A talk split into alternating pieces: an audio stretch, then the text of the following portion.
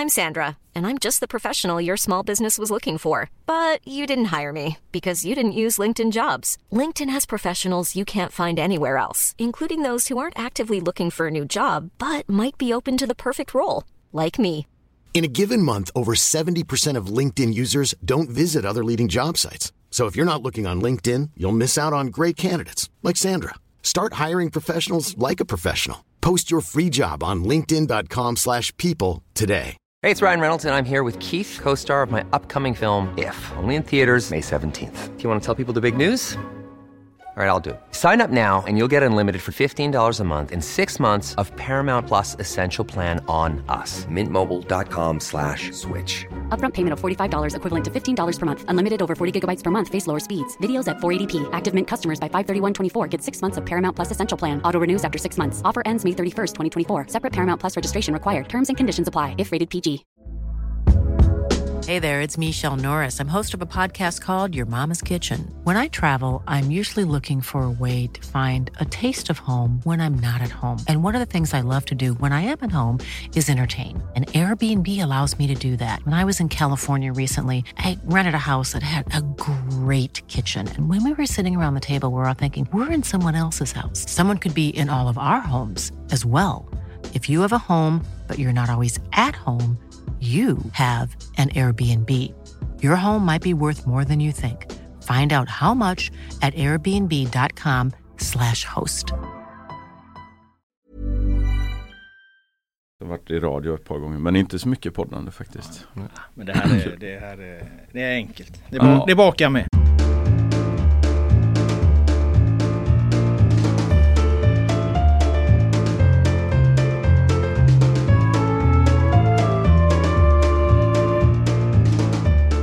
Hej och välkomna till GPs fotbollspodd som fortfarande saknar ett namn. Men där vi fokuserar på Göteborgsfotbollen i allmänhet och Göteborgsfotbollen i synnerhet. Vi som gör det är jag, Robert Laul och Filip Troler. Men även idag har vi en otroligt spännande gäst med oss. Nämligen Getingarnas ordförande Johannes Jensen, alltså Häckens största supporterklubbs starke man, korrekt? Ja det stämmer. Tack för att jag fick komma. Ja du, hur är det att vara eh, Häckensupporter i dessa dagar?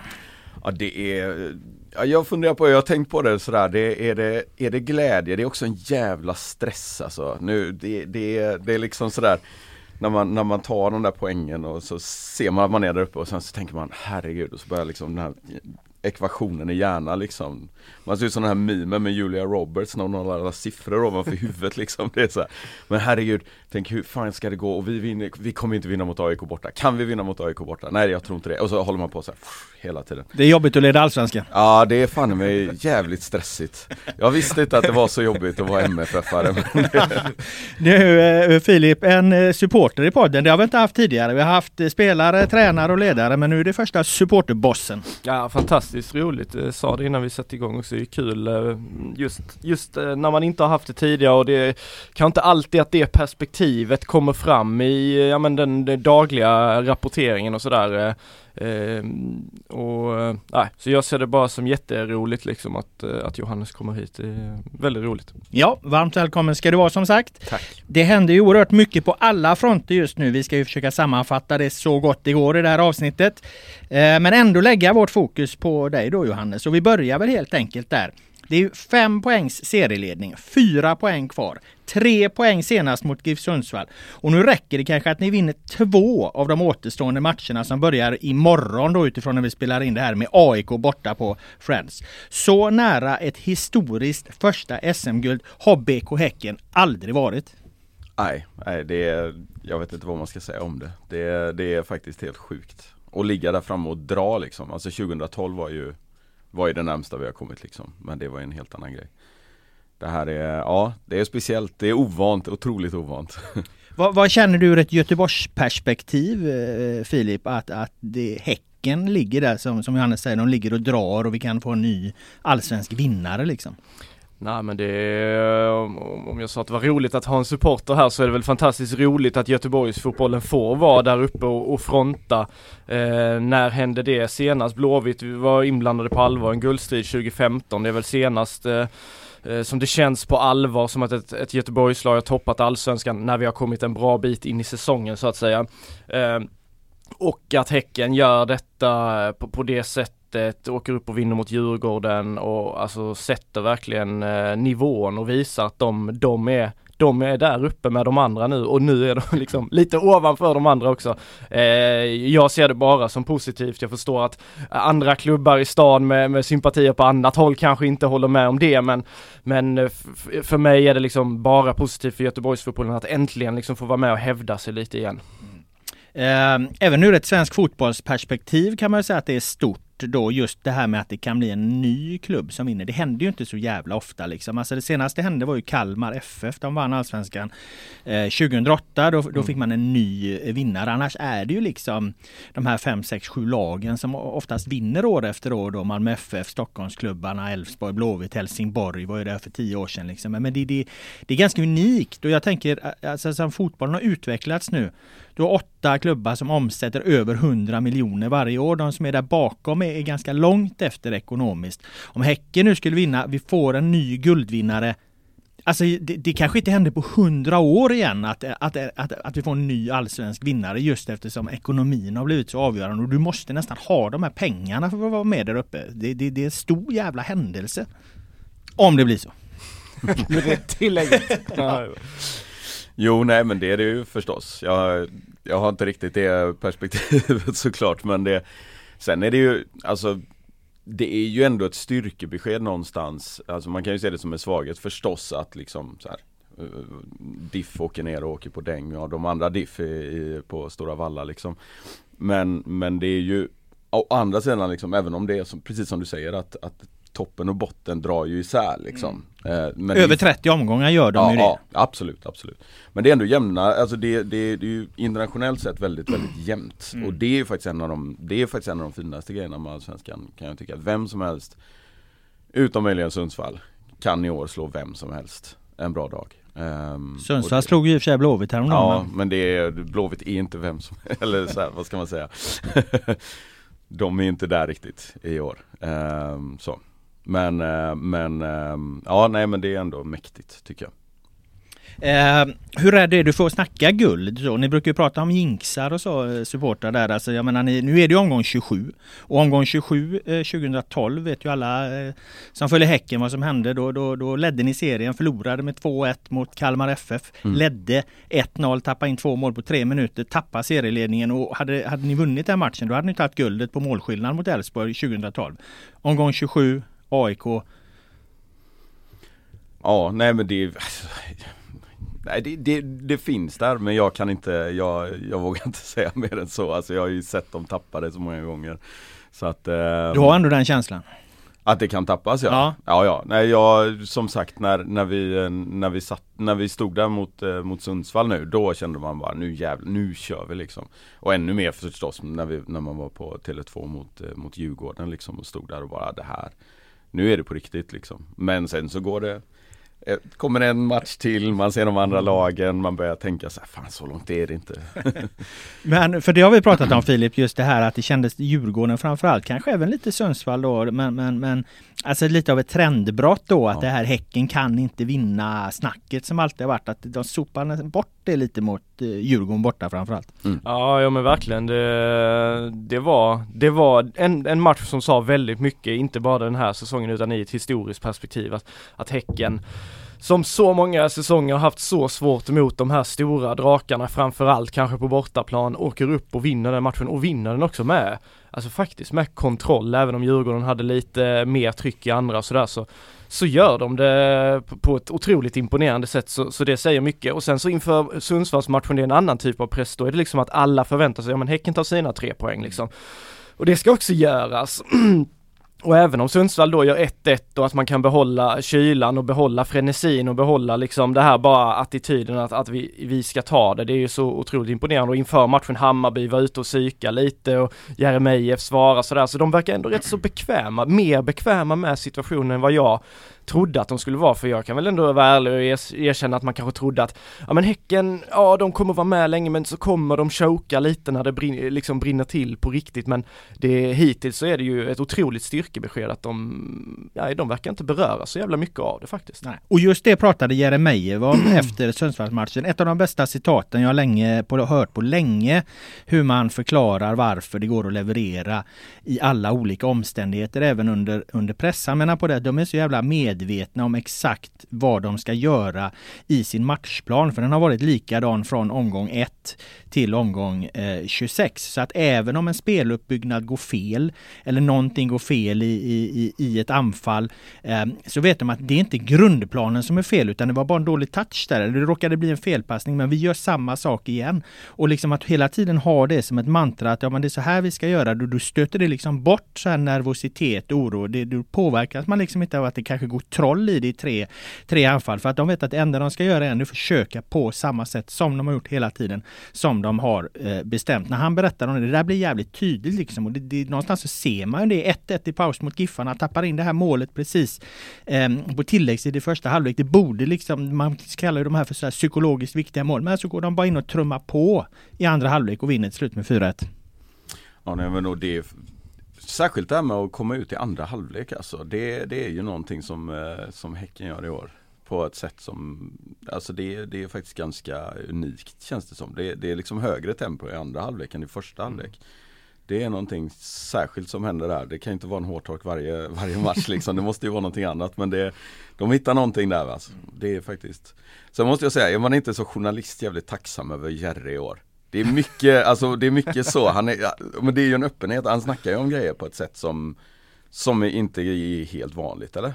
Ja, vi har haft med han i podden här och han har ju babblat på bra och som du säger, eh, det, det, fan han leder skytteligan med landslagsdiskussioner. Han har, vad fan var det, skaffat linser och jag menar det är alla möjliga jävla och han är liksom klausuler hit och klausuler dit. Ja men han har ju varit lite rubrikernas man, är det inte så Filip? Jo absolut och sen det är klart att man har bröstet ut när man eh, har gjort eh, så många mål som han har gjort den här säsongen och spelat så som han har gjort den här säsongen och han verkar ju 100% harmonisk och då kan man ju också kanske bjuda på lite mer grejer, typ som efter Djurgårdsmatchen matchen där när han skickar ut det där att vad fan har de ens kollat på våra matcher med tanke på hur dominant Samuel Gustafsson fick vara i den matchen och han högg lite på, på Joel Nilsson Bayern utspelet där om att eh, nu var det mycket, mycket troll i, i Häckens huvuden och sådär och att de, de, skulle, de skulle börja tänka för mycket med tanke på det historiska guldet sådär. Då högg han tillbaka där också men han gör det med glimten i ögat och han, eh, nej han har levererat på, på alla plan även eh, i, i media i år tycker jag. Det är bara tacksamt. Nu får vi se om han inte är skadad då bara mot, mot AIK här. Det lär väl visa sig under, under dagen här. Det kanske är klart redan när vi, vi har spelat in det här. Klart huruvida, hur det är med hans knä eller inte. Han ska träna idag utifrån förhållande när vi spelar in det här. Hur orolig är du för det?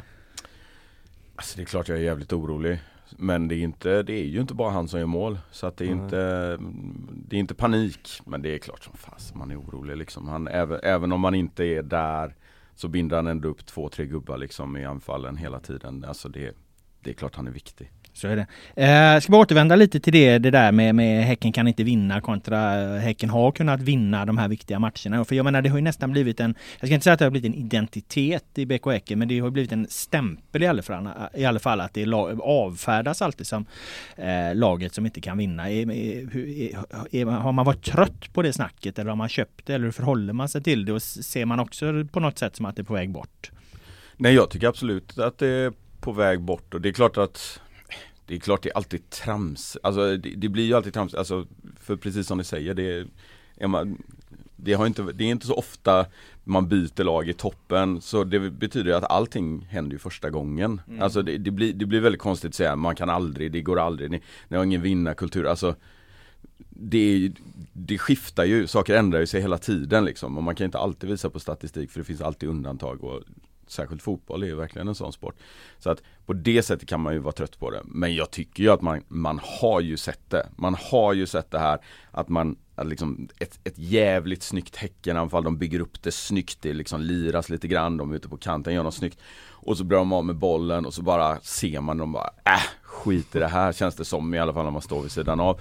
Och, och liksom, och se det där att, ja men ska det inte vara snyggt så får det vara. Lite grann det där har man ofta, liksom, har man som supporter också blivit frustrerad på. Och det har liksom byggts upp ett jävla anamma, inte kanske, alltså man har ju sett det även tidigare de här senaste åren liksom. Eh, så att det är inte så att allting är nytt för i år men, men man, man har sett en tendens av lite mer grinighet, mm. lite mer och så den här respektlösheten mot de här stora klubbarna liksom. Alltså att, att åka till Tele2 och vara helt respektlösa liksom. Mm det är ju, det är ju ett jävla tryck där när man kommer in liksom. Det är ju... Men har du blivit en halv aik nu då? Att du hellre tar liksom än åka upp och, och göra ett mål och sen stänga en bakåt och åka hem med, med, med, tre poäng efter ett i princip ett rån liksom. Det, du, du gillar det mer nu än en svajig 4-3 seger hemma mot, eh, vad fan var det, Sirius? Nej, man gillar alltid en svajig 4-3 seger. Ja, ja, Men det är klart man tackar inte nej till en grisig 1-0 eh, seger heller liksom. Det är så. Skicka in en straff i 94 och Som Sirius borta där, typ. Ja. Det var ju, ja, men exakt, ju den grisiga. de gillar man ju också. Det är, det, är ju, det är på ett annat sätt. Men det är, det är klart man, man gillar ju sina svängiga, svängiga segrar när det går fort och fram och tillbaka och sådär. Vi hade ju en match där i helgen, vi berörde den lite kort. Eh, vi ska inte eh, fastna vid den. Eh, däremot så har vi ju vårat segment eh, som vi kallar för Svennisskalan. Jag vet inte om du vet vad det är. Vi tar ut tre spelare, bedömer dem enligt kategorierna bra, mycket bra och mycket, mycket bra. Vi kommer från Sven-Göran Eriksson, var en fantastisk fotbollstränare. Men han var också expertkommentator under VM 1994. Och det var inte lika bra på det enda han sa utifrån vad som hände på planen. Det var att något var bra, mycket bra eller möjligen mycket, mycket bra. Så att det har vi lånat och i Häcken står 4-1 seger mot GIF Sundsvall. Filip, så får du rätta mig om jag har fel, men jag har gett eh, bra till mittbacken Even Hovland. Han var stabil som vanligt bakåt. Nickade in game winning goal 2-1. Mycket bra var Kristoffer Lund som efter en svag första halvlek kom igång och slår ju faktiskt två av inläggen som leder till mål, bland annat då det här till Hovland och sen ett till. Eh, men sen går det inte att komma ifrån då Mikkel Rygaard tillbaka från, från skada, sina problem med vaden, hoppar in i paus. Då står det 1-1, matchen slutar 5-1, Rygaard gör mål. Mycket, mycket bra Filip. Ja, jag blir lika glad varje gång du eh, hyllar Rygaard så som du tryckte ner han på försäsongen. Nej, men jag, jag, kan egentligen, egentligen kan jag inte ha så mycket invändningar för att jag satt ju faktiskt på Gamla Ullevi och tittade på Gais eh, när denna match spelades. Jag såg lite av första halvlek innan jag var tvungen att spatsera iväg till, till Gamla Ullevi. Eh, då tyckte jag inte Häcken var så imponerande. Kristoffer Lund där gjorde väl, eh, var lite svajig precis som du är inne på men om han då lyfte sig eh, så... Två han... målgivande inlägg. Ja, ja vad fan då, då får man liksom, och han är väl en sån spelare jag tycker man har eh, glömt bort lite grann den här säsongen när man pratar om fina prestationer och individuella spelare som verkligen har växt och lyft. Jag tyckte han var, alltså han var intressant förra säsongen men jag tyckte det var lite svajigt. Det var inte en spelare jag kände att här är något som sticker ut men i år tycker jag verkligen det är en spelare som sticker ut eh, mot Djurgården tyckte jag han gjorde en fantastisk insats, matade på med sina offensiva löpningar, slog ett par riktigt fina djupledsbollar också. Eh, så han, eh, det var, var det inte han som slog den också på målet där?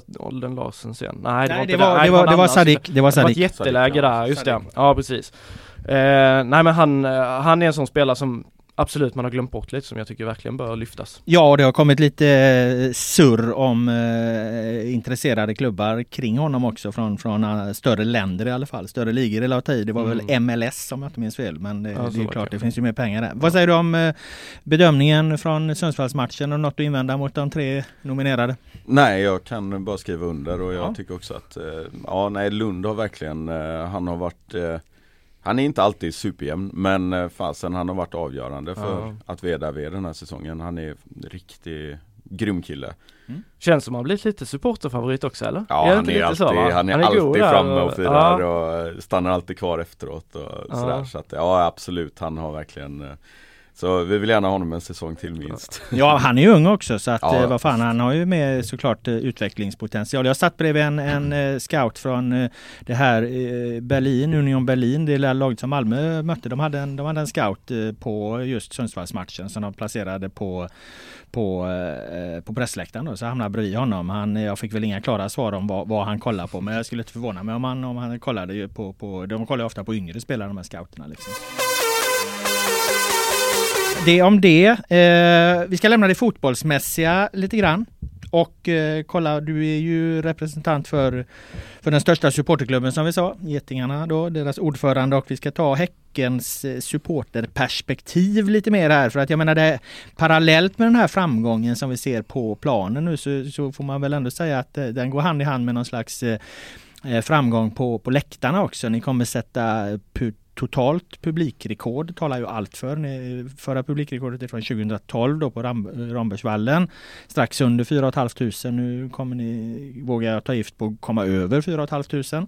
Eh, stor del förklaring till det utan att jag lägger orden för mycket i din mun det är ju att klacken växer. Klackläktarna har vuxit. Ni, ni, den, ni fyller den nästan varje gång. Eh, 900 personer på, på er klacksektion där någonstans, sektion G. Eh, hur ser du själv på den här utvecklingen?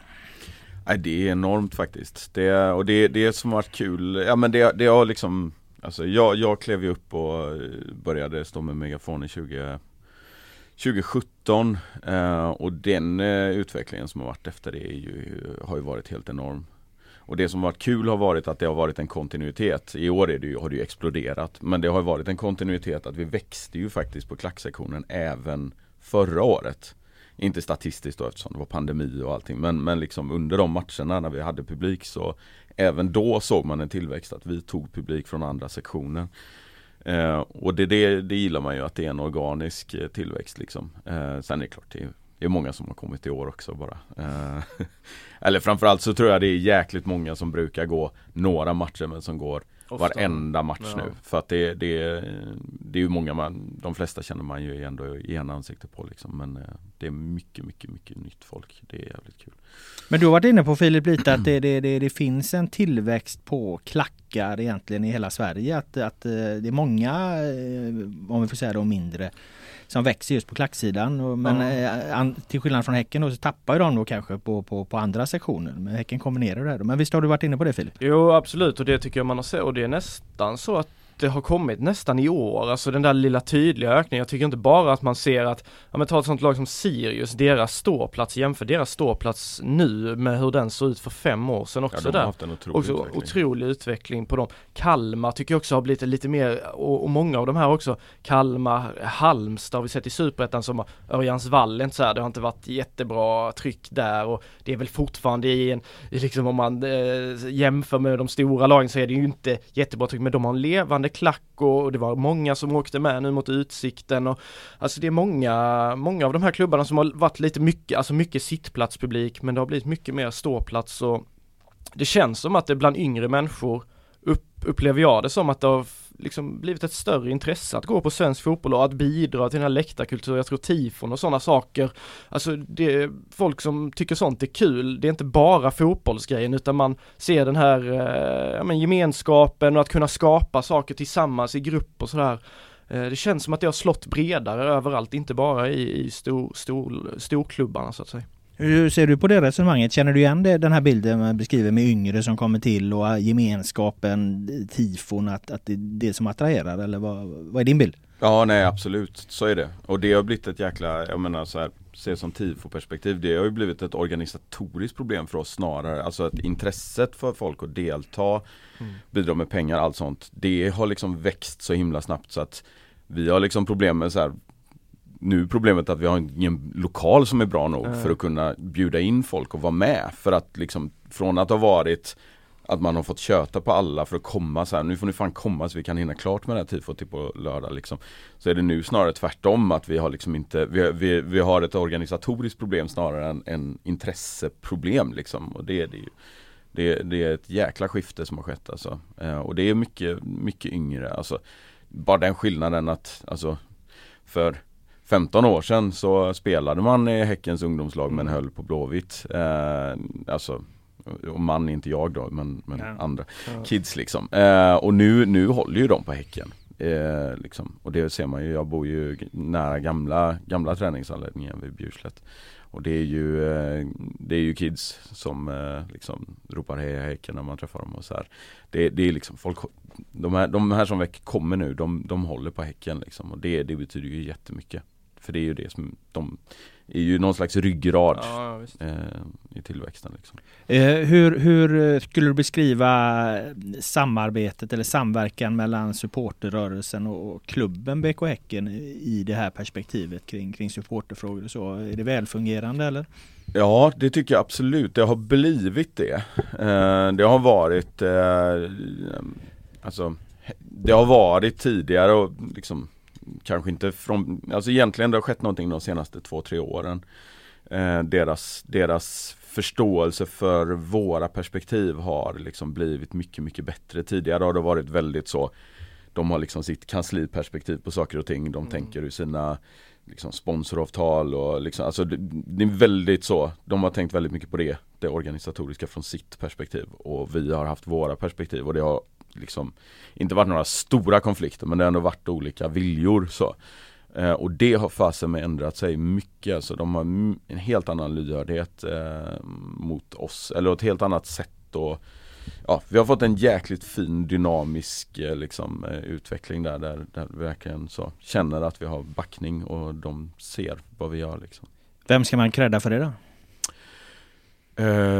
Alltså flera, men, men Jordin uh, har ju definitivt Marcus Jordin, uh, Ja, Marcus Jordin, precis. Han har ju definitivt bidragit där. Men jag tycker men Elin Öst till exempel är jätte mycket bra liksom. Och, jag, jag, tycker det, det är överhuvudtaget det är alltså, man ser att, eh, att de ser vad vi gör liksom.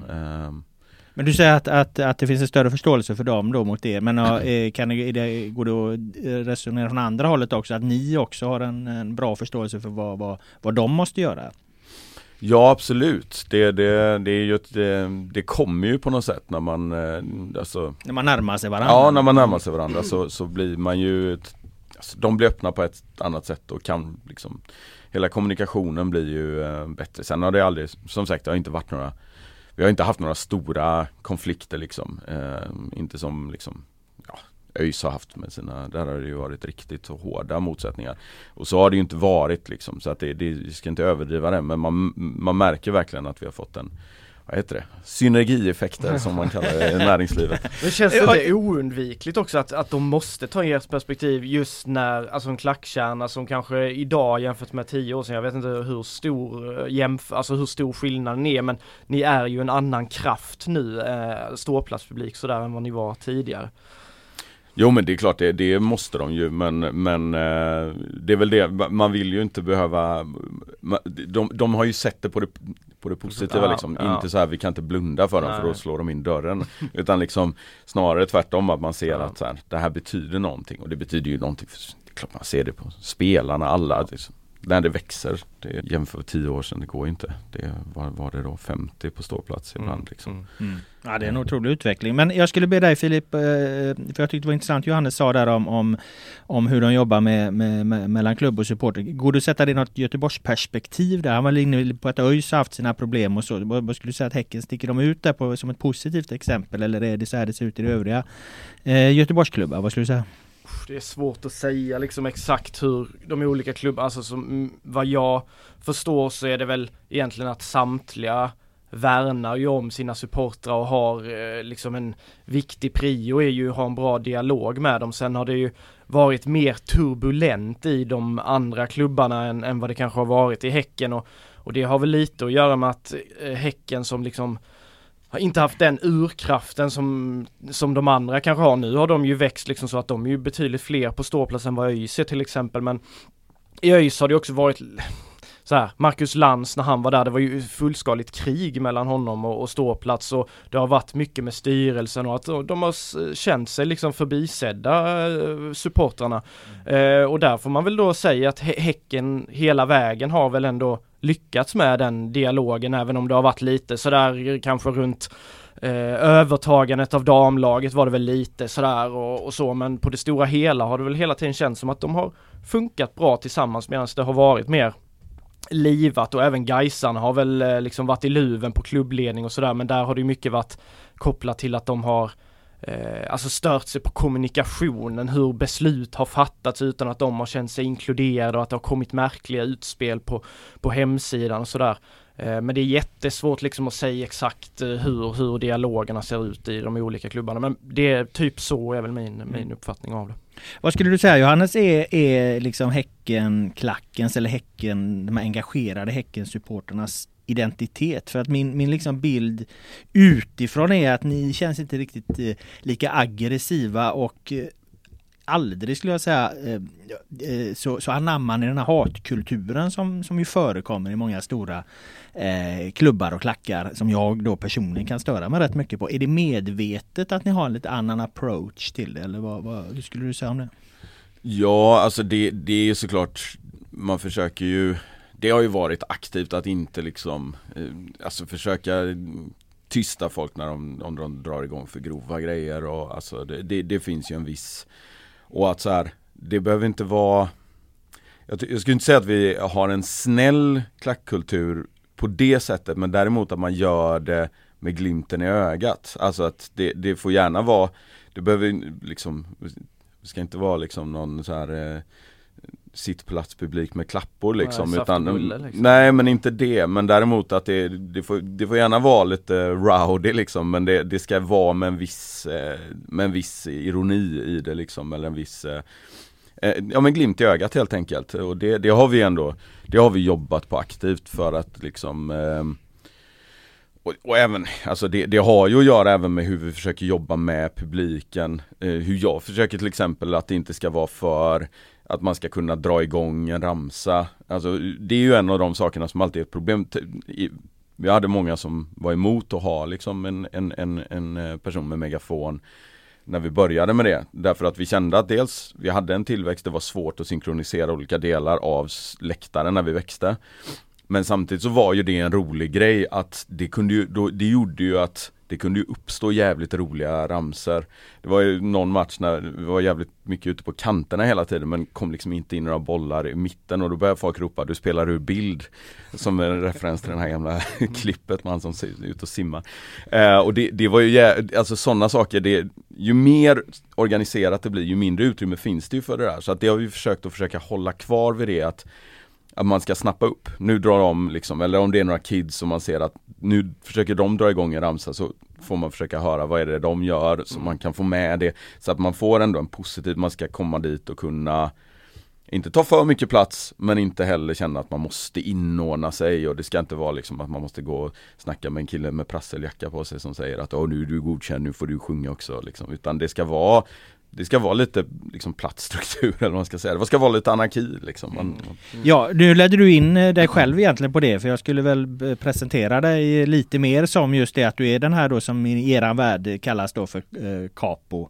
Eh, liksom fotbollens svar på, på Lasse Berghagen, alltså en allsångsledare liksom. Det, det, det, det är ju du då. Eh, för, för, för liksom alla poddlyssnare som kanske inte är, är helt be, eh, bekanta med begreppen så. Eh, och nu svarade du nästan på allt jag skulle fråga om det. Eh, vad du har för inverkan på det. Du tog upp de här roliga ramserna. Ja, det har jag ju faktiskt tänkt på att ni har ganska roliga ramser. Ni har ju, eh, om jag, om jag hör rätt här, ni har liksom, ni har en som Allting finns på Backaplan. Är det det ni sjunger? Ja precis, varför åka in till stan? Allting finns på Backaplan Det är en ganska udda ramsa, är det inte det Filip? Ja, absolut.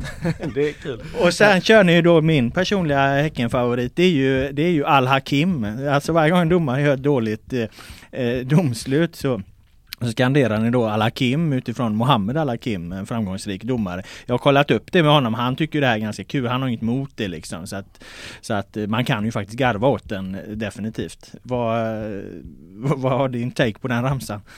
Nej men det är ju efter den här bedrövliga frisparken i derbyt eh, 2019 måste det vara. Som lades på fel plats va? Ja exakt, den matchen skulle spelats om. Ja, enligt regelboken skulle den egentligen gjort det. Gjort.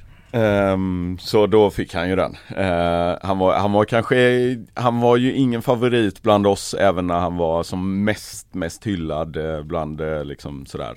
För att eh, han, ah, vi- tyckte att han hade ett horn till sidan, i sidan till oss sen innan liksom. Så vi, det, det hade ju vi tillbaks.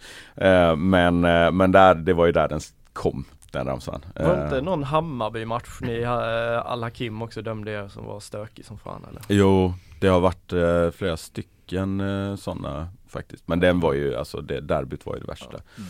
Han är ju tillsammans med eh, Sara Persson heter hon, var också, också domare. Hon dömde ju en dammatch en gång för Häcken. Och så eh, gjorde hon något fel. Och då började ju då, det, de, det var inte lika stor klack på dammatcherna, men då började ju de köra alla Kim-ramsan. Och jag tror inte att eh, de som stod i klacken visste om att det då var hans liksom sambo som dömde det. Och hon måste ju undrat vad fan började han sjunga om, om, om, om alla Kim här liksom. Det uppstod en väldigt rolig situation där.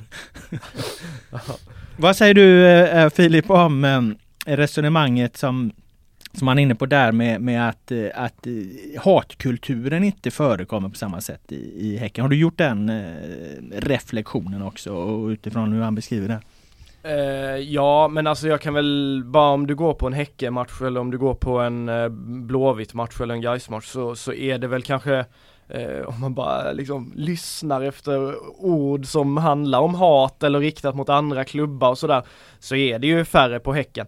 Sen tycker jag väl ibland att det kan bli lite skitnödigt att det får, man får inte säga någonting liksom. Det får ju vara lite hets och, och tufft ska det vara men har de inte ja, hittat en bra, bra jo, balans alltså det där jag då? gillar är ju att man, eh, och det tycker jag ska liksom eh, värnas om alla läktare, att när man är kreativ, när man är fyndig, när man hittar de här ramsorna i stunden. Sånt tycker jag jävligt mycket om. Och det tycker jag vi har lite för lite av. Och samma enskilda spelare så här, det gillar jag också när det kommer ro roliga ramsor, inte bara så här namnet och så allé allé liksom som, utan lite mer kreativitet gillar jag jävligt mycket. Sen, sen hat, alltså mm, lite hets men inte för, för liksom man hör väl eh, vissa ramsor i Stockholmsderbyt där det, det handlar om jag vet inte om man har hört rätt men det är väl något som mördat Djurgårdsbarn till exempel. Alltså, ja, som aik kör. Ja, det, det, där är vi ju över gränsen naturligtvis.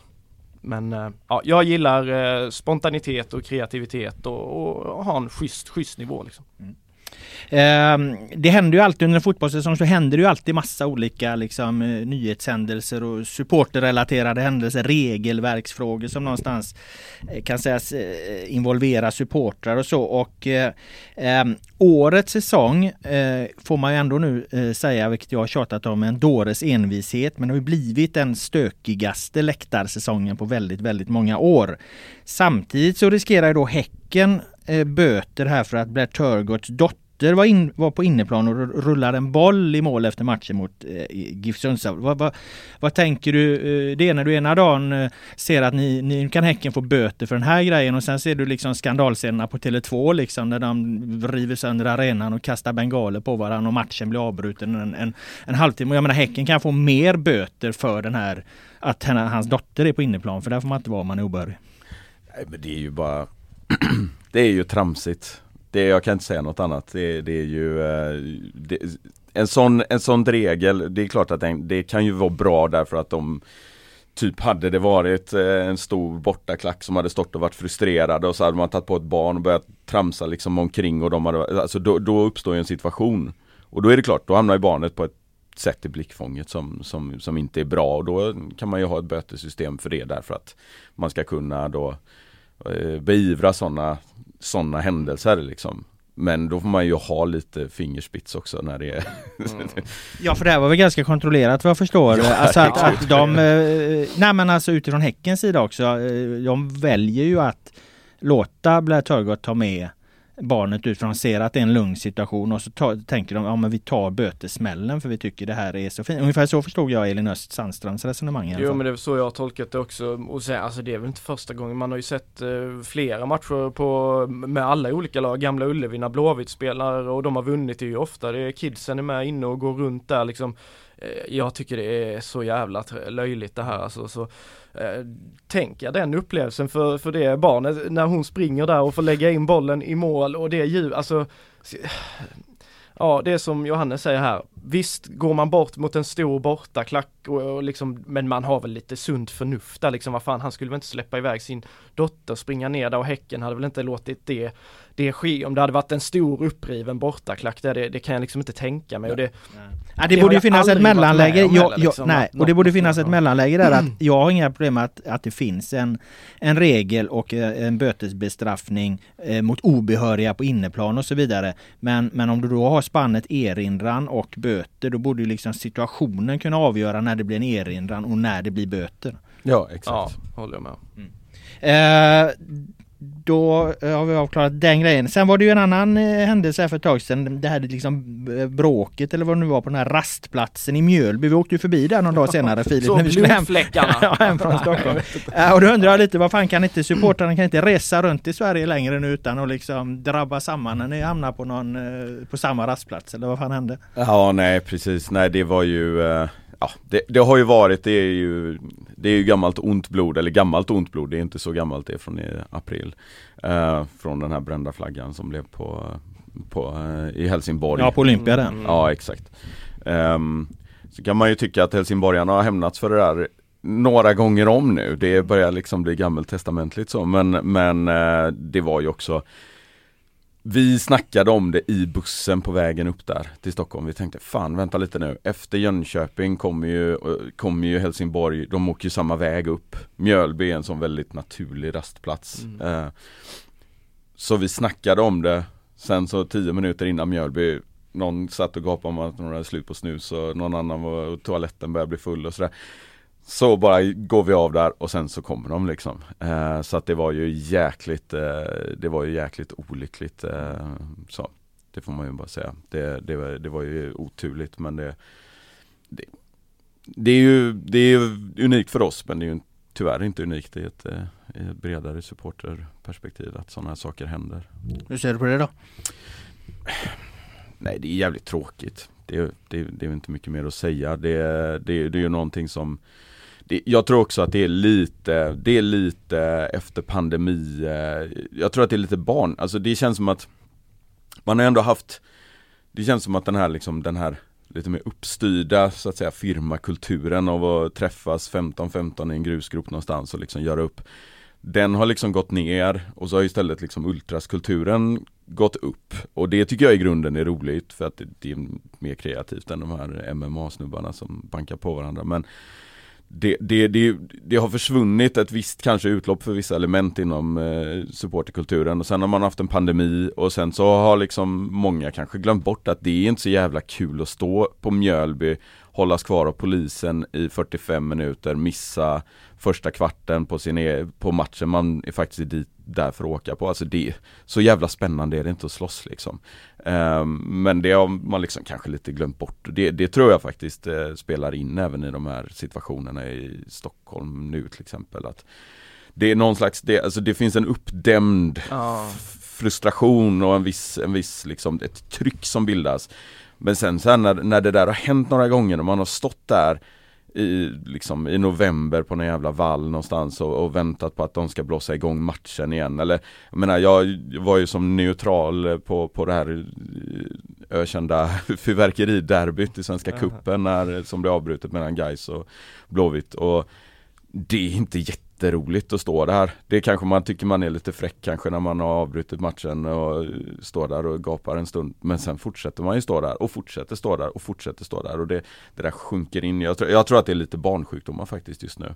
Att det är så mycket incidenter. Det känns som att det snarare är en, en, en, en brist på en brist på organisering och vana inom supporterkollektivet liksom, eh, som tar sig uttryck nu så du, du, du tror det lägger sig eh, nästa säsong till exempel? En betydligt lugnare Ja, jag säsong tror faktiskt det. Jag, jag, jag, ska inte, jag ska inte ta gift på det men, eh, men jag tror faktiskt det, det, det är min känsla att det är lite, det, det är mycket liksom, ja uppdämt liksom. Det, det, det är lite galet och det, det är det ju utomlands också. Jag tror inte att um, jag tror inte att det, det känns som det är ovanligt mycket i Tyskland också och ja, det här med Union Berlin också. Vad fasen det är väl inte deras eh, Alltså det känns som att det är så mycket sånt som händer just nu och att det, det är för att folk har suttit inlåsta och haft tråkigt. Ja men vissa, det känns som att vissa har glömt bort lite hur man beter sig. Eh, och att man bara, man bara kör liksom och det från början men man tänker ändå det har gått långt in på säsongen nu. Man tänker att det borde kanske ha lagt sig lite men jag håller med dig, det är exakt de trenderna man ser det har ju varit mycket snack om att det bara är i svensk fotboll och sådär men herregud det är ju överallt liksom Frankrike har vi också haft flera, flera matcher, flera incidenter och sådär. Så det är lite, och sen tror jag kanske också det här vi pratade om tidigare att klackarna växer och så här, många nya kommer dit och innan man liksom har hunnit få pay lite på det att det det ballar ur på sina håll då. Och, och, samtidigt i andra änden så den här säsongen har vi haft kanske ännu fler tifon än vad vi någonsin haft som har varit fantastiska. Men vi har också haft otroligt många incidenter nu, framförallt på slutet här. Eh, och inkastade föremål och sen det vi ser på, på Tele2 i, i söndags, det är ju alltså hur man liksom kan ta beslutet att ta eh, den här bengalisk eld och bara sula in i en folkmassa. Det är, det är riktigt sjukt alltså. Men upplever du att ni, att, att det finns den klicken hos er, att den också växer liksom? Ja det är klart, alltså en klack är ju ett tvärsnitt av eh, samhället liksom. Och det finns ju, det finns ju överallt. Så att det, det, det måste man, eh, det måste man man måste hitta sätt att hantera det där liksom. Ehm, och jag menar, alla människor har ju när fotbollen är som, när fotbollskulturen är som bäst så är det ju karneval och karnevaler är ju upp och nervända världen. Liksom. Och upp och nervända världen ingår också i att det, det, det finns ju ett våldskapital så fort en stor folksamlare mass, eh, folk, vad säger jag? Folk, Folkmassa. folksamling, Folkmassa. ja, folkmassa är samlad. Så heter det. Ehm, nej men det finns ju alltid ett våldskapital i en grupp människor. Alltså det, det Men gör det verkligen det? För jag menar, Mm. fan du hade ju Håkan Hellström här nu, fyra konserter på, på Ullevi, 280 000 på fyra dagar. Det var ju fan inte en, en eh, polisanmälan liksom. Nej men det var nog ett och annat, eh, ett och annat köbråk där också. Eh, Så att det kan ju uppstå liksom. Alltså, så det finns ju alltid den potentialen och, och det gäller ju att, att hitta ett sätt att reglera det. Och det, det viktiga är ju att supporterkollektivet måste reglera det. Ehm, och det, Det, det får måste, inte komma ovanifrån menar du eller?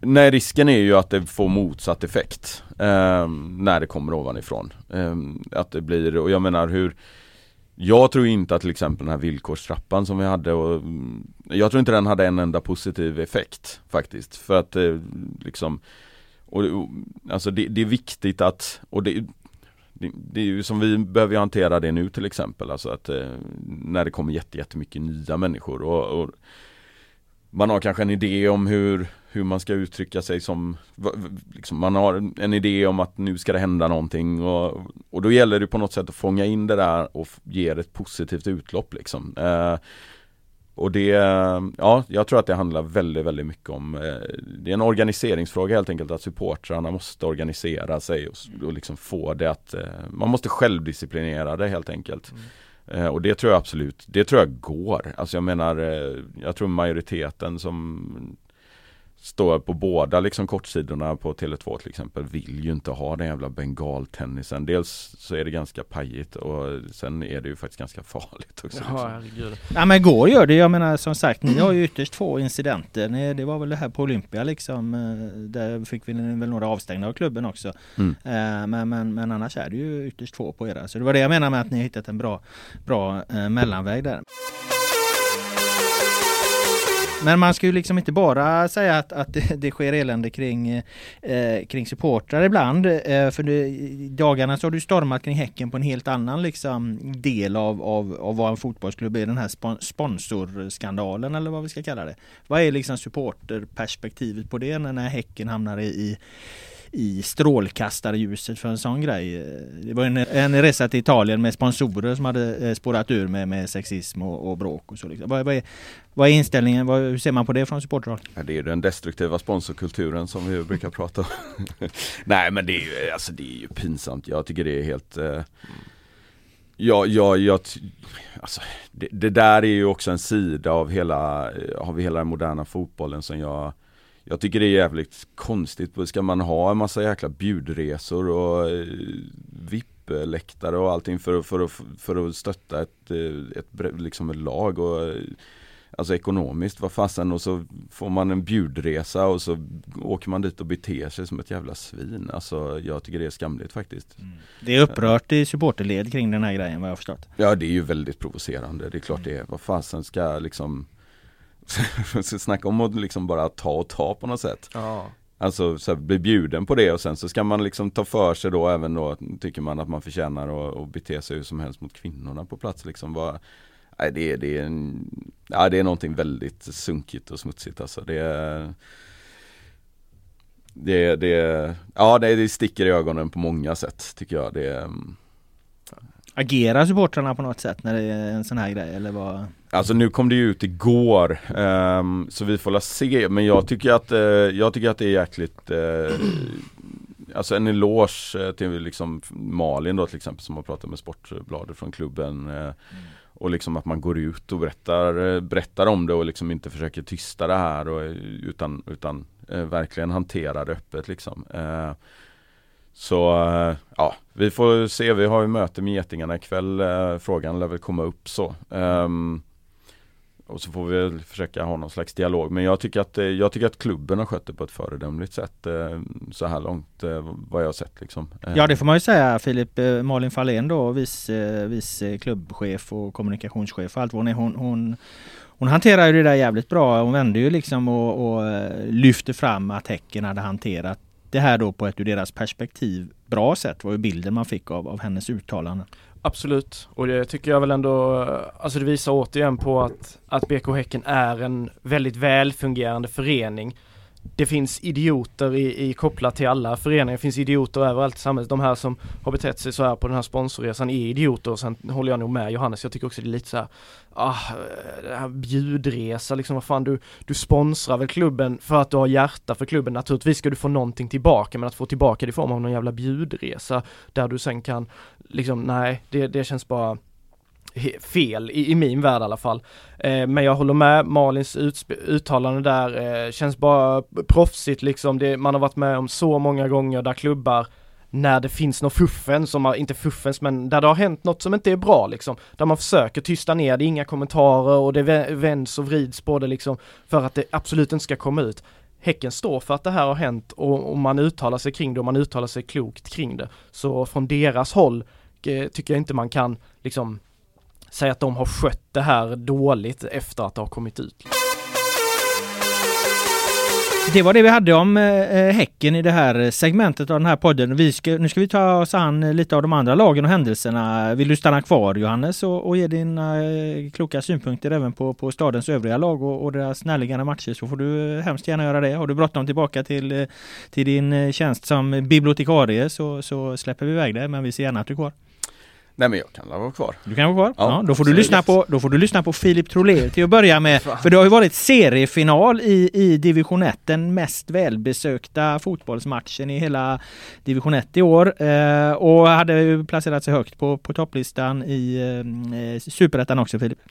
Ja, det var över 5000 åskådare på den här matchen. Guys precis före avspark så tickade de över 6000 sålda. Eh, sen var det 900 som då inte dök upp trots fint väder och, och, och den här matchens dignitet. Så det var väl lite förvånande, men på det stora hela naturligtvis en en eh, fantastiskt eh, fin siffra och den hade varit, om jag har sett rätt, så tror jag bara det är en match i Superettan som har haft eh, bättre publik än vad Gais hade mot Falkenberg på den här matchen. Så det, det får man väl ändå credda Gaisarna att de verkligen kraftsamlade och, och kom till Gamla Ullevi och Eh, fyllde, fyllde läktarna så mer än vad de brukar göra och med en väldigt fin inramning. De hade ju till och med mer än Häcken mot Sundsvall. Har du någon replik på det Johannes eller? ja det ska väl vara under en seriefinal, vad fasen liksom. Du får svara att ni har högre snitt, det har ni. ja, ja, ja, herregud. Det har vi ju verkligen så att det Nej vad fasen, det, det, blir, det blir ju tramsigt. Man har fått några sådana gliringar i ja, sociala medier Man har sett att det har varit lite tugg ja. mellan Gaisa och Häcken supportrar. Ja men vad fasen, de har ju ett helt annat underlag, en helt annan tradition. Det är väl fasen, jag tycker de skulle, de skulle väl slå oss på varenda match om de, eh, om de då, då kunde de väl komma om de gjorde det men Du är inte match. imponerad av Gaisarna här alltså? Nej men alltså det är, väl, det är ju jätte, alltså det är väl bra att de samlar till den här matchen. Ja, men, men det är väl ingenting att komma och hålla på och snacka kring vad fasen liksom. Vi, vi har tio pers på bortasektionen och fyra och sju. Men liksom, det, det, vi har ju ingen, vi har ingen stor källa att ösa av. Det är många som liksom, Det går inte att jämföra två sådana lag liksom. Vill du upp Gais då i elitfotbollen igen? Nej. de, kan de, de, kan få vara, de kan få vara i Superettan. Det är helt okej. Okay. Ja, jag menar det i Superettan. Ja, alltså ja, ja, det är klart det är lite. Men Allsvenskan, eh, där vill du inte ha dem? Där stänger han dörren. Nej. ja, men, ni, Nej, men det är ju bara ångest med derbyn alltså det, det, det räcker med Fan, Det lyfter väl Göteborgsfotbollen, de är ju fler derbyn, gör det inte det? Men du vill inte ha dem? Nej men det är ju så jävla ångest. Det är, vad fasen, men det är klart alltså, ja, jag hade gärna bytt, eh, bytt Blåvitt mot Gais. Blåvitt är nere i Superettan och division 1 och håller på och jojar omkring där och så få upp guys. Det hade varit okej. Okay. Fan nu, nu, nu bröstar de upp sig Häcken, Häckenfolket där får man ändå säga. Till, ja, svingar åt alla håll här. Ja, det, är väl, det är väl så det ska vara också mellan eh, rivaliserande klubbar eh, så. Men Häcken och guys det finns ju lite, känns som att det finns ett litet samarbete där. Häcken har släppt eh, lite gubbar till guys som har fått chansen där och sen har de plockat, alltså det har varit rätt mycket mellan Häcken och guys. Oso var ju utlånad. Hur ser du på det? Att man har liksom samarbete så med en, ja, men en klubb som kanske ändå på något sätt är en rival? Ja men så länge vi har ett par divisioner emellan oss Så så, är det lugnt, så är det liksom. lugnt säger jag. Så, Ja, ja. Då kan vi ha dem som utvecklingslag. Oj. Eh, utveck Häckens utvecklingslag, de fick ju bara 1-1 mot eh, Falkenberg då. eh, 2-2. Filip. Ja förlåt, 2-2 oavgjort blev det. Ja, det En blev poäng det. skulle jag säga. Ja. Eh, 2-2. Det var eh, en, eh, alltså en otroligt händelserik match också. Eh, Falkenberg, Ag- Aguda, Goodwin Aguda, han gjorde ju båda deras mål. Det första målet han gör, det är nog det snyggaste jag sett i år. Det är en halv volley från 35 meter tror jag. 30-35 meter sitter i krysset bakom Kashniki. Eh, guys var rätt så tagna, kändes tagna av stunden, kom inte, eh, så inte alls att känna igen eh, eh, första 20 minuterna, var ju bara Falkenberg. Sen samlade de sig i samband med ett skadeavbrott och sen började de ta över och skapa lite chanser. Andra halvlek har de tålamodet, 0-1 underläge fram till 75 då gör Axel Norén 1-1. Eh, gamle Falkenbergsspelaren släkten i värsta tänkte man, ja, så stod de och, och pendla och så kom Jonas Lindberg in satte 2-1 och så var det karnevalstämning och sen så på sista jädra sparken så gör Falkenberg 2-2. Vilket i, väl var ett ganska rättvist resultat och med lite perspektiv så kommer Gaisarna vara jättenöjda med det för nu är det tre matcher kvar och de eh, behåller sex poängs försprång på Falkenberg. De har Åtvidaberg, Lund eh, och IFK Malmö som redan åkt ur eh, kvar att möta. Där ska de ju fixa fyra poäng och Falkenberg har lite tuffa matcher mot Trollhättan bland annat. Så Gais kan ju faktiskt eh, ta klivet upp eh, redan i helgen om de vinner över Åtvidaberg samtidigt som Falkenberg går bort sig mot eh, mot Trollhättan, då är det klart. Så Gaisarna är nog ändå de som mår bäst över det här krysset, även om det naturligtvis var tungt att eh, tappa in det i slutet. Har du en eh, Svennis-skala på denna match? Eh, ja, men det har jag. Det har jag. Får du ta den från höften eller? Ja, jag får nog faktiskt göra det lite. Jag har inte hunnit fundera så jävla mycket, men, eh, men eh, jag tycker att bra var eh, Jonas Lindberg. Eh, Guys lite hade gått i stå anfallsspelet, sen kommer han in, han har ju varit skadad i, i tre veckor, missat tre, fyra matcher på grund av en ledbandsskada. Men han har ju sånt jäkla lugn eh, Lindberg där alltså, och sätter upp anfall och hittar vinklar som de andra inte riktigt hittar och sen målet han gör är också perfekt möter med pannan och, och skarvar in den i bortre. Han gör ju inte många eh, nickmål, eh, myggan där alltså, som han kallas men eh, det var tjusigt, han var bra. Mm, mycket bra. Eh, Mycket bra tycker jag att Gustav Lundgren var. Jag tycker inte han var särskilt bra i spelet men han slår inlägget som Axel Henriksson skarvar till Axel Norén som nickar bollen i mål och han slår också sen det perfekta inlägget till Jonas Lindberg. Så man kan nästan säga att han hade två ass och eh, han har en otroligt fin vänsterfot och är jävligt bra en mot en trots att han inte är särskilt snabb. Så han var mycket bra.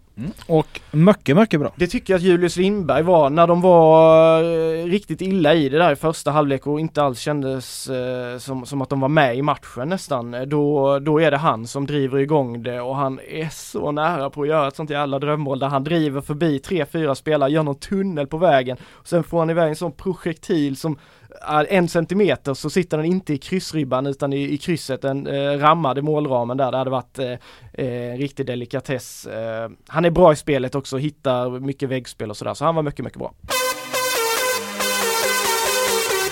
Då tackar vi för den Svennis-skalan på Guys och går raskt vidare till ÖIS. För det har varit en bra, bra, bra omgång ändå får man väl säga för Göteborgsfotbollen. Även om då varken Geis eller ÖIS eh, vann sina matcher. Men eh, ÖIS klev ju däremot upp på fast mark i tabellen via 0-0 mot J Södra. Eller hur ser man på det? Det har varit en jävla pangomgång för, för Göteborgs- Att tala klarspråk. Ja precis, jag skulle nog säga kanske, nej, ja, med, med tanke på hur förutsättningarna ser ut i tabellen och sådär så kunde det inte blivit så mycket bättre för samtliga lag egentligen. Även om Gais och ÖIS kunde ha vunnit naturligtvis. Men ÖIS eh, efter två eh, tunga skalper mot topplag, Brage, Halmstad, eh, kommer hem, ska möta J Södra, ett annat bottenlag. Då ser det lite ut som det har gjort väldigt, väldigt många gånger den här säsongen när det gäller ÖIS. Att eh, spelet sitter inte, det blir saktfärdigt och när de ska trycka på med etablerat anfallsspel så kommer de inte till rätt. Alltså de, de, eh, de är mycket bättre när de har eh, ytorna att jobba med och här får de inte riktigt ytorna att jobba med. Och jag tycker väl att J Södra är egentligen närmare att vinna den här matchen än vad, vad ÖIS är för de har flera bra chanser i, i början på andra halvlek. Eh, ÖIS har egentligen inte någon riktig så solklar chans. Men 0-0, Västerås förlorar mot Landskrona. Det gör att, eh, att ÖIS ändå tar sig ovan, ovanför strecket med en poäng och nu har de allt i egna händer, fyra, fyra omgångar kvar. Nu är det nytt topplag som väntar i, i Växjö mot Öster på, på lördag och då kanske de blir, eh, får de där ytorna att jobba med igen så kanske de slår till med en, en, en knall på nytt. Men eh, nu har de allt i egna händer igen i alla fall. Mm. ÖIS är lite av en flopp här i, i Göteborg i år ändå får man säga. Vi trodde att de skulle vara med i toppen. De har kämpat i botten. Är det något som glädjer dig eller har du samma inställning till, till, till ÖIS som du hade till Gais här alldeles nyss? Ja nej men vi har ju ett eh... Jag har ju som eh, Häcken-supporter ett litet horn i sidan till ÖIS-supportrarna så att eh, Så att eh, det är väl eh, Ja, nej jag trodde faktiskt de, de såg ut att gå upp eh, Faktiskt, eller tänkte att de skulle, de skulle gå mot en riktig kanonsäsong och så eh, floppar de så här. Det, ja, det hade varit kul om de och Gais möttes i dörren. Det hade väl varit, eh, varit någonting. Sen är det klart alltså för Göteborgsfotbollen då om vi ska säga, ta det perspektivet så är det klart det är bra med derbyn igen. Eh, alltså riktiga derbyn i superettan. Det, är, det är ändå fräckt med de här, när de kör de här 50-50 på Gamla Ullevi. Mm.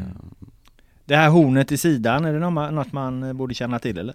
Nej men det är ju bara att deras, eh, deras uh, Ultras har ju sin uh, lokal nere på Ringön så att uh, man stöter på dem och slänger käft med dem lite då och då. Det är några karaktärer där som man har lite svårt för. Visste du detta Filip eller? Ja, jag hörde någonting om att de, de har sin lokal där ute men jag, jag, jag är inte, inte hundra koll ändå liksom. Men det är väl härligt med lite, lite så. Lite käbbel. Ja, lite käbbel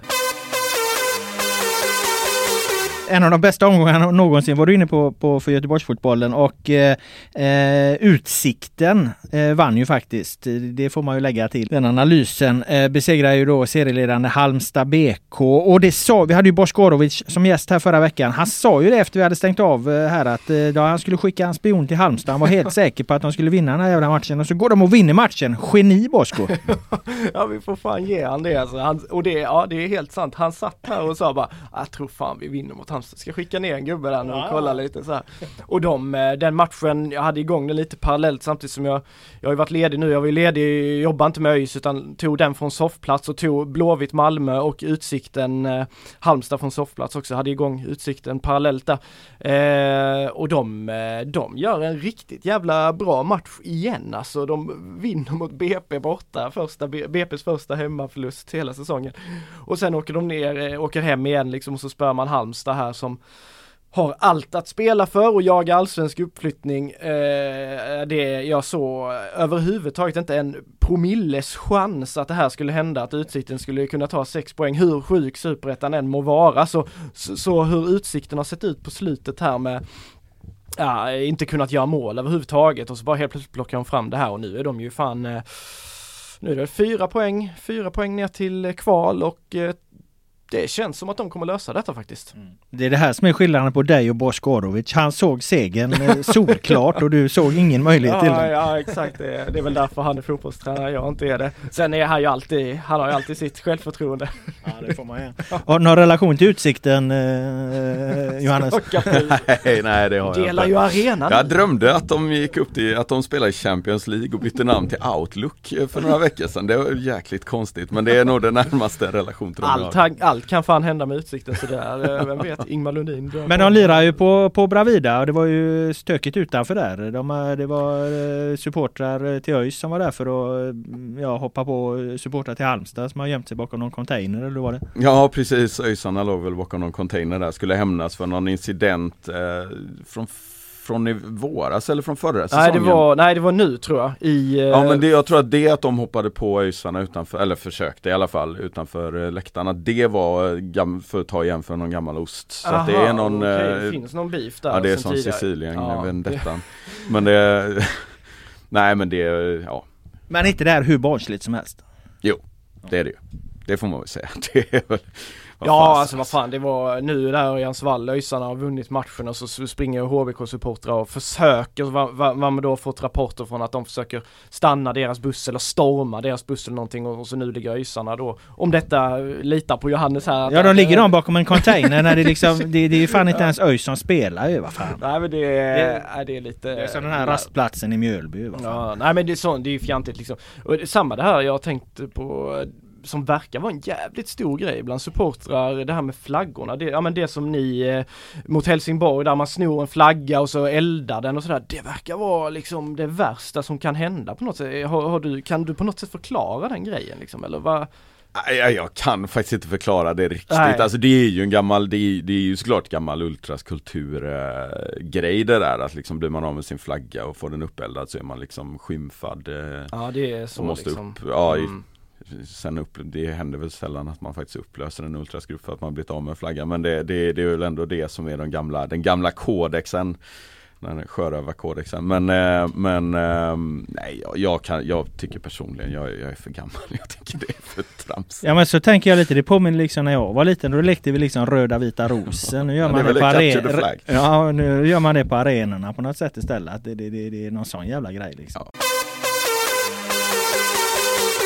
Att lägga till raden över eh, framgångsrika resultat för våra eh, Göteborgslag eh, får vi även göra IFK Göteborg. Första segern mot Malmö FF, hemmaplan i Allsvenskan eh, på 13 år. Och där måste jag säga att eh, en diskussion efter den matchen kommer att handla om underlaget. Eh, det har spelats fyra matcher på kort tid på Gamla Ullevi. Det var lerigt och jävligt, men jag älskar att den typen av fotbollsmatcher fortfarande finns i Allsvenskan. Jag gillar liksom inte när det ser exakt likadant ut på ett exakt likadant konstgräs. Det blir någon liksom futsalfotboll av det där det, det, det, det liksom årstiderna inte längre spelar någon roll. Jag tycker de här skiftande liksom karaktärerna på matcherna, eh, en, en liksom frusen eh, vårplan, en, en fantastisk eh, sommarmatch i solen, en, en grisig jävla lerig höstmatch. Alltså det skänker en karaktär till fotbollen som många andra sporter inte har. Handbollen har det inte, basketen har det inte. Hockeyn spelas på samma jävla is hela tiden. Bandyn kanske har det lite grann liksom, men, men det här är ju någonstans fotboll Filip. Du vet att vi sitter i samma båt här Robban. Jag, jag, jag håller med Ja dig. men nu fick vi ett bra Ja, ja, exempel. ja, liksom. absolut. Jag menar sitter man och klagar på den här matchen nu liksom, då kan man aldrig klaga på att Sverige är dåliga i duellspel och närkamper i landslaget sen. Man, då måste man, man måste gilla det här också. Ja det, jo men jag, jag håller med. Jag tycker också, sen är det klart att när man alltså när du bara tittar på det och, och man, det zoomar in och det ser för jävligt ut och tänker man "Shit, hur, hur ska det kunna spelas någon fotboll här? Men jag håller med, det finns en charm i det där eh, när Gustav Norlin liksom halkar runder där och de sliter och det fa- fightas och sen ska det naturligtvis vara, man har ju sett vissa matcher när det har regnat så in i helvete så man knappt har kunnat slå en passning på två meter. Då tycker jag att det är lite över gränsen men annars så de här skiftena, det håller jag med om till, till 100%. Det finns en charm i, i den studsiga vårplanen och perfekta sommarmattan och den grisiga höstmattan. Exakt så. När eh, river ni bort eh, konstgräset på, på Bravida Han och lägger dit en eh, gräsplan? Eh, nej men det är väl upp till kommunen, eh, deras beslut så. Nu blev det klart- jävligt formellt helt plötsligt. Ja. Nej men det är klart, jag tycker också det är roligare med, med riktigt gräs. Det, det, det är ju så. Men det är klart, vi är, vi är ju bra på konstgräs så man ska inte klaga heller. Fast ni är ju bra på gräs också. Det Ja, måste det man det credda det. Häcken. Ni har ju för fan fyra segrar, tre oavgjorda, noll förluster om jag inte räknade fel när jag räknade på det här på gräs. Mm. Det gör ju, skulle göra er till en klart värdiga vinnare, värdigare vinnare än Djurgården till exempel som överhuvudtaget kan spela på gräs. Nej det är väl kul med deras liksom identitet som det gamla, gamla liksom fotbollslaget och järnkaminerna och allt det. Ja, ja visst och så, så kan de inte spela på riktigt gräs. Det är väl lite pinsamt, är det inte? Eh, jag har faktiskt också en Svennis-skala från IFK Göteborg Malmö FF. Eh, jag ger Kalle Johansson bra, otrolig inställningsmål när han eh, skallade in den eh, 2-1 nicken som avgör matchen efter att han liksom hade slingrat sig ur Ola Toivonens omfamningar där. Eh, Eh, mycket bra eh, ger jag Gustav Svensson, perfekt match för honom. Han gled ju mer än han stod upp på eh, leran. Eh, visade glidtacklingens betydelse i fotboll och mycket, mycket bra måste man ju ge till Gustav Norlin. En otrolig löpinsats i en sport som fotboll som ju är en löpsport i första hand. Johannes, vet du hur många, vet du hur många, många minuter en fotbollsspelare har bollen av 90? Absolut ingen aning. Nej, de har ungefär en och en halv minut eh, rör du vid bollen. Vad gör du resten av tiden? Springer. Exakt. Det är en löpsport och ingen sprang så bra som Gustav boll i no. Ingen sprang så bra som Gustav Norlin. Eh, han gör ju också ett mål där. Eh, köper du det Filip?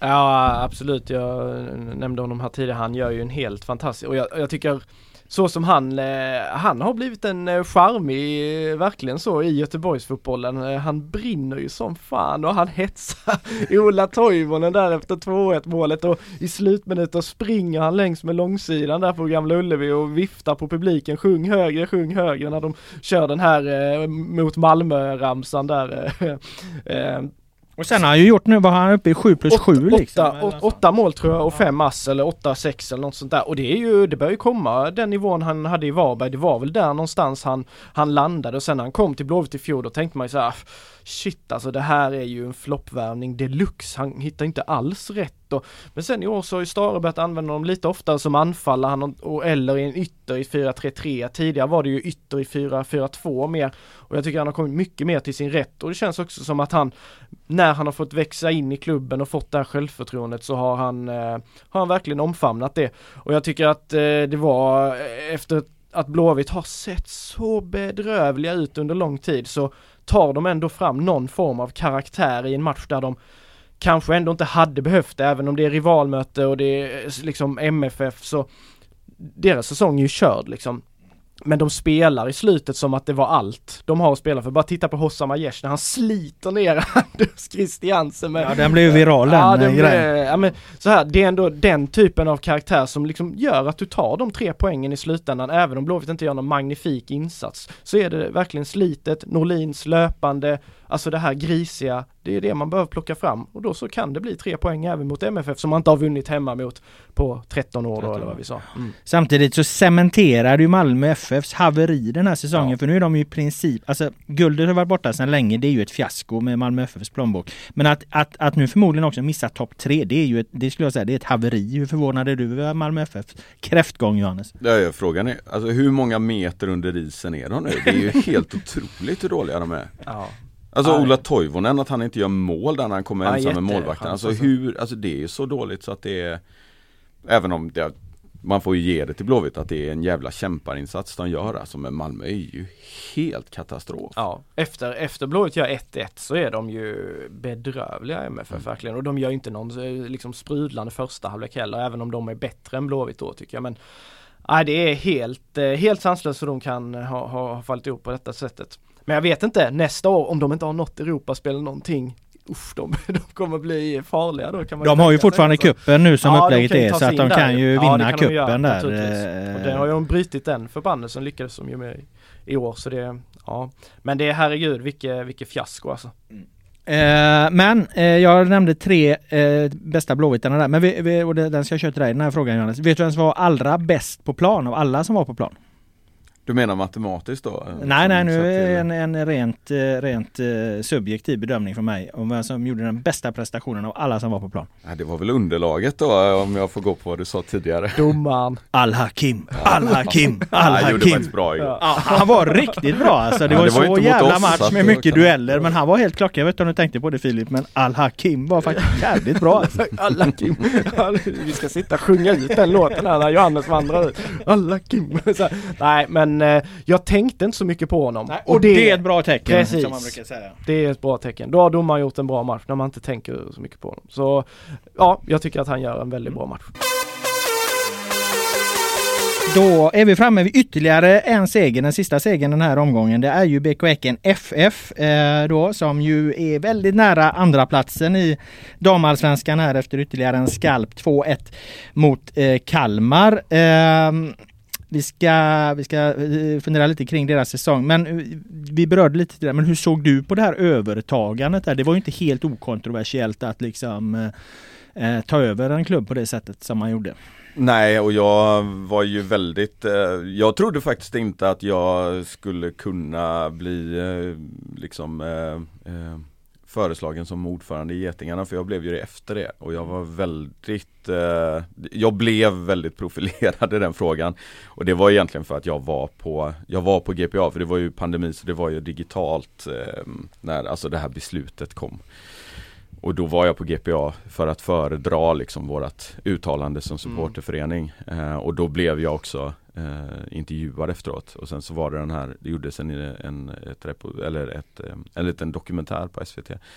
Där jag också var intervjuad sen. Så att jag har ju varit eh, den kanske högst profilerade kritiken av detta, eh, Mm. av detta övertagande. Så att eh, nej jag jag eh, har fortfarande inte hjärta för, eh, för damlaget Även om jag såklart är lättad att, att, att de är där uppe bland- Europaplatserna rent ekonomiskt liksom. Eh, jag har ju istället haft hjärtat hos eh, våra division 1-damer nu som, som haltar lite grann här precis i kval, eh, kvalet mot Trelleborg. Trelleborg. Men eh, nu, då jag ska kanske inte byta ämne.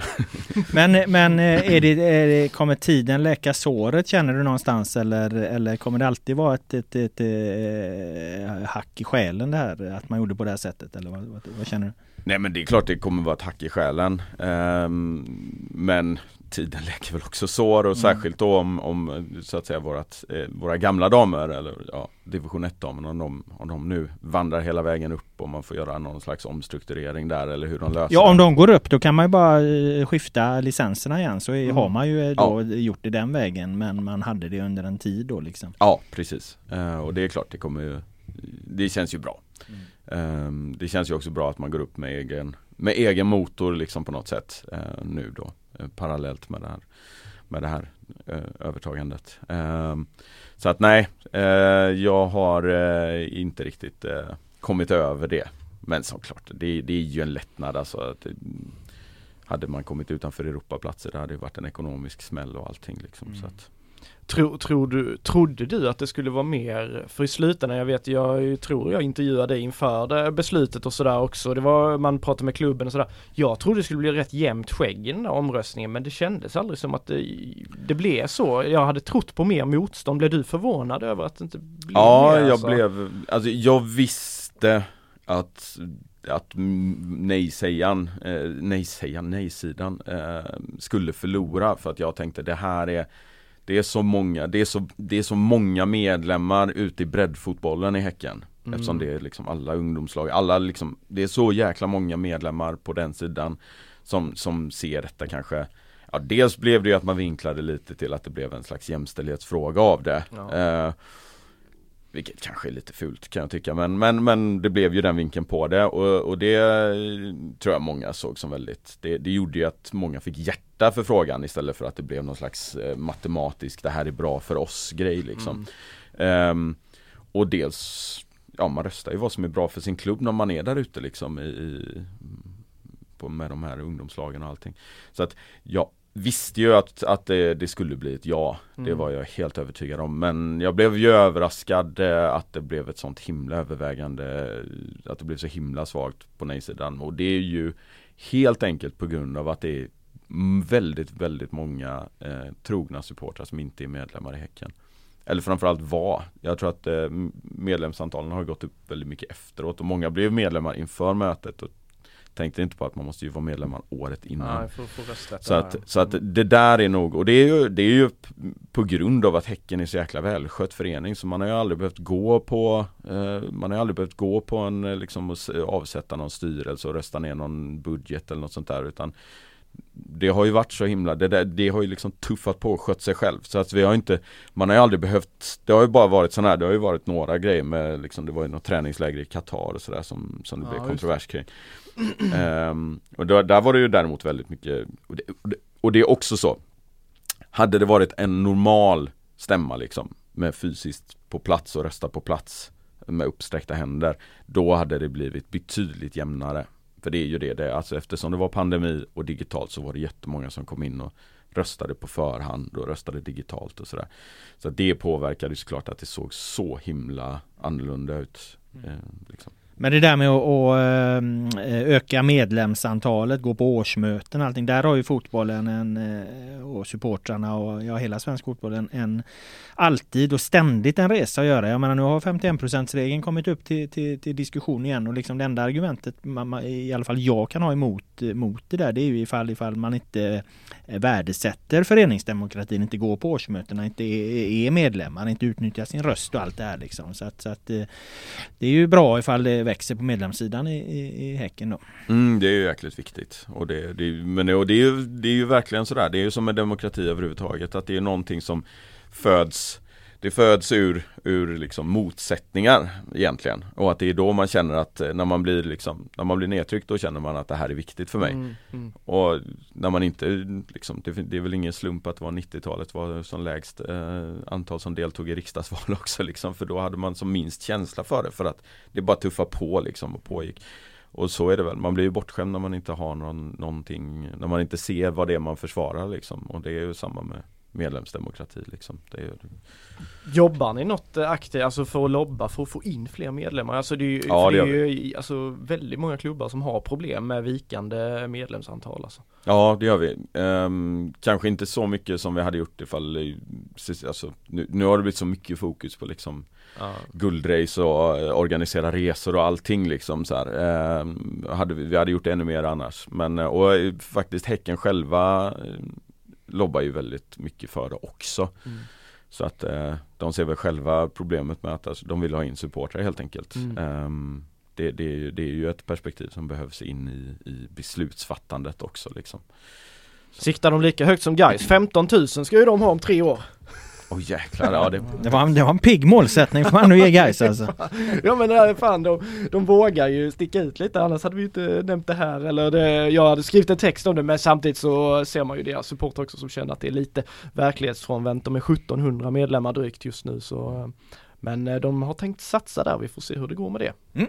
Det får bli slutord eh, eh, Filip. Eh, vi har kört så jävla länge nu så att batterierna håller på att ta slut i den här inspelningsapparaten. Det har aldrig hänt tidigare. Vi, det får vi säga var ett eh, oerhört gott betyg till vår, vår, vår gäst om inte annat alltså. Att, att vi, vi höll eh, lågan brinnande så länge. Snacka mycket, längre, mycket bra. Snacka ja. längre än Bosko till och med. Fan, ja, det, är, det är fan svårslaget alltså. Det får du ta med dig som ett jack i kolven. Ja, eh, tack så jättemycket för att du kom hit. Lycka till med nerverna i, i resten av, av, av guldstriden och lycka till med supporter och medlemsrekrytering och allt annat du har på ditt bord. Jag tackar dig Filip också för dina som vanligt eh, kloka åsikter. Jag tackar alla er som har eh, lyssnat. Eh, podden utan namn är tillbaka nästa vecka. Ha det bra!